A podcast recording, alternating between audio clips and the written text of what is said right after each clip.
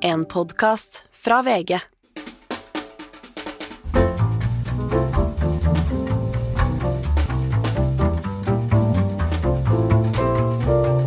Kjære lytter, her får du en liten smakebit av denne ukens Skartveit-podkast. Jeg har fått besøk av Julie Wilhelmsen, en av Norges fremste russlandskjennere. Vi går gjennom Putins historie, Russlands historie, og ikke minst hvordan havnet vi der vi er nå. Hvis du vil høre hele, så kan du gå inn på enten VG+, eller på Podmy og høre hele vår samtale. God helg. Eh, kan vi se Putin som en slags aggressiv Hitler anno 1938? Du kan definitivt se han som aggressiv. Men for meg, altså Det å trekke paralleller, historiske paralleller, er en nyttig øvelse fordi vi forsøker å forstå oss eh, på ting. Men av og til så er det ikke en nyttig øvelse.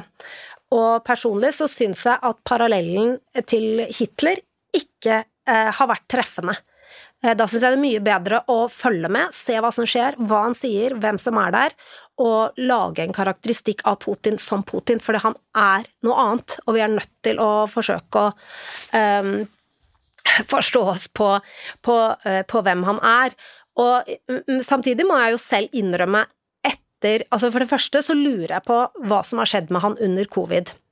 Eh, og du skal ikke underkjenne liksom, kombinasjonen av en person som har sittet ved makten så lenge, som så blir isolert, og som har Det er jo noe med makthybris, liksom, når det, eh, det er klart det, Vi er der for lenge siden eh, når det gjelder Putin.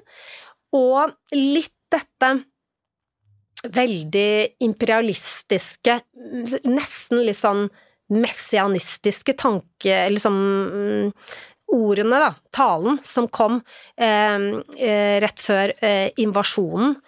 Eh, da må jeg innrømme at jeg lurte liksom på Er vi nå Har vi beveget oss bort fra det som har vært en veldig sånn utspekulert propagandamaskin og helt liksom narrativer for å forsøke å legitimere og samtidig dra med deg så mange folk på hjemmebane som mulig, er vi nå over i en ja, liten gal mann som sitter der og, eh, og handler eh, ikke ut fra den russiske statens interesse eh, i det hele tatt, eller plutselig definerer den russiske, sta, den russiske statens interesse som ja, nettopp et slags sånn blindt type Hitler-prosjekt.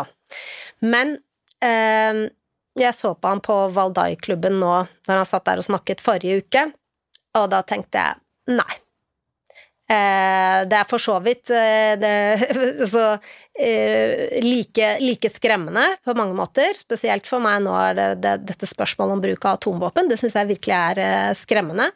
Jeg syns det er veldig farlig å avvise så en avisoverskrift her forleden hvor en forsker sa at han Jeg vet ikke om det var tittelen eller han, men det var liksom en påstand. 'Jeg vet at Putin ikke kommer til å bruke atomvåpen'. Det vet ikke det vet ikke jeg.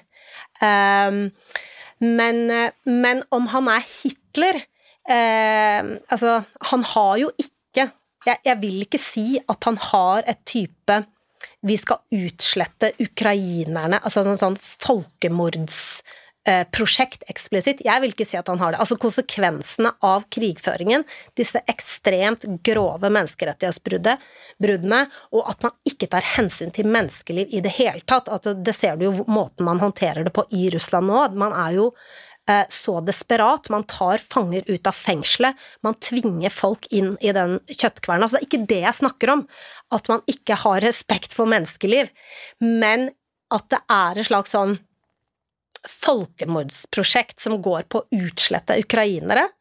Eh, det ser ikke jeg. Og det så jeg faktisk ikke eh, under Tsjetsjenia-krigen heller. Det var det mange tsjetsjenere som hevdet. At vi som folk er på en måte eh, målet. Å drepe oss som folk.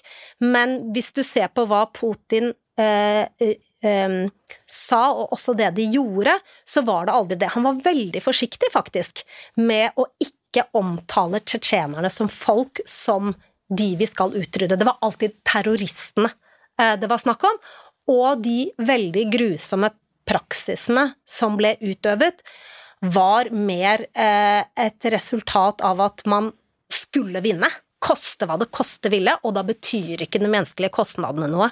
Det var ikke en, en, en, en, ideologi om utslettelse av en annen rase, sånn som Hitler hadde. Men hvis du ser på, eh, hvis du holder fast på Hitler-parallellen et lite øyeblikk, og, og ser på på en måte stormakts eh, den suverene makt og det russiske nasjonalfølelsen og det ekspanderende i det. Mm. For da må man jo se for seg altså, at det å forhandle, er det liksom appeasement, München mm. mm. uh, Er det å forhandle med en som da bare vil bli enda verre? Jeg tror det.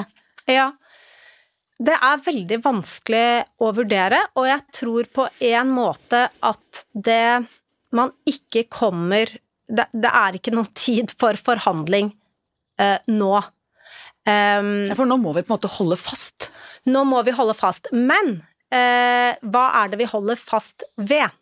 Eh, og da er jo spørsmålet nettopp dette er han, er han på et eller annet eh, vis rasjonell ut fra sin egen, e, egen rasjonalitet? Og da tror jeg det er sånn at Krim, for eksempel, det det eh, er eksistensielt for, for, Putin, og jeg tror han kommer til å bruke virkelig alle midler han har, og kaste altså flere og flere eh, russiske menneskeliv inn i den krigen eh, for å vinne, eh, vinne det.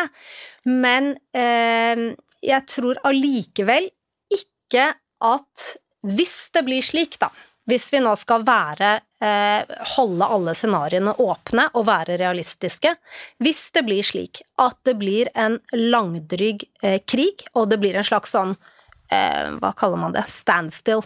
Mm. Frossen konflikt. En, en frossen konflikt. Eh, og det koster mer og mer på ukrainsk side også. Tenk på det som har skjedd nå. Altså, vi vet ikke helt hvor mange ukrainske menneskeliv som har gått tapt, og nå er det helt vanvittige lidelser i forhold til at det ikke er strøm, ikke er vann, osv. Og i tillegg så er det jo sånn at Ukraina har kjempet tappert, men de er jo også fullstendig avhengig av den kjempestore strømmen av våpen som kommer eh, vestfra. Um, og eh, nå sier man ikke noe eksplisitt, man sier veldig eksplisitt eh, isteden at eh, vi det er, ikke, det er, ikke, opp til oss å bestemme hva Ukraina vil. Men eh, samtidig så lurer jeg på, for det som jo har skjedd i det siste, er at Zelinskyjs mål har gått fra å være å motstå eh, Russland, og kanskje eh, forhandle kompromisset f.eks. om Krim. Sånn var det i vår. Nå sier de jo nei, vårt mål er full territoriell kontroll på alt det territoriet vi hadde eh, før eh, 2014. Og det maksimalistiske målet der, det er det retorisk sånn at noen vestlige ledere støtter. Samtidig så legger jeg merke til de siste ukene at det er også ganske mange røster som sier at dette er ikke i USAs interesse, for eksempel. Og hva ser du som endgame her, da? Ja, for da kan jo eh, endgame bli en, eh, eh, ja, en forhandlet løsning. Det kommer ikke nå, men det kan komme eh, etter denne vinteren, for eksempel. Og da er jo spørsmålet skal du forhandle med Putin eh, da? Eh, og selv om det nå absolutt knaker i forføyningene under Putin, og vi kunne godt snakket uh, lenge om, om, hva som er tegnene på det, så tror nok ikke jeg at Putin uh, kommer til å være borte neste år. Jeg tror han uh, Det systemet forblir intakt, og da er man nødt til å forhandle med Putin hvis man vil ha en forhandlet løsning, som det kan absolutt gå mot. Og da er spørsmålet er han rasjonell? Er det mulig å eh, å forhandle med han? Vil, han? vil, det være i hans interesse? Eh, og jeg tror kanskje at de fremdeles er der at de ville eh, gjort det for å redde stumpene. For å redde hele det systemet han har bygget opp på hjemmebane, og for å komme seg ut av denne eh, katastrofale krigen.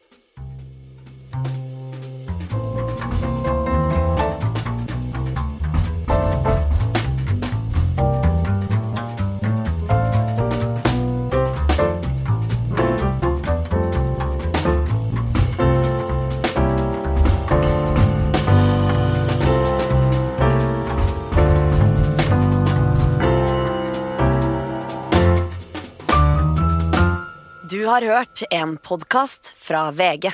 Ansvarlig redaktør, Gard Steiro.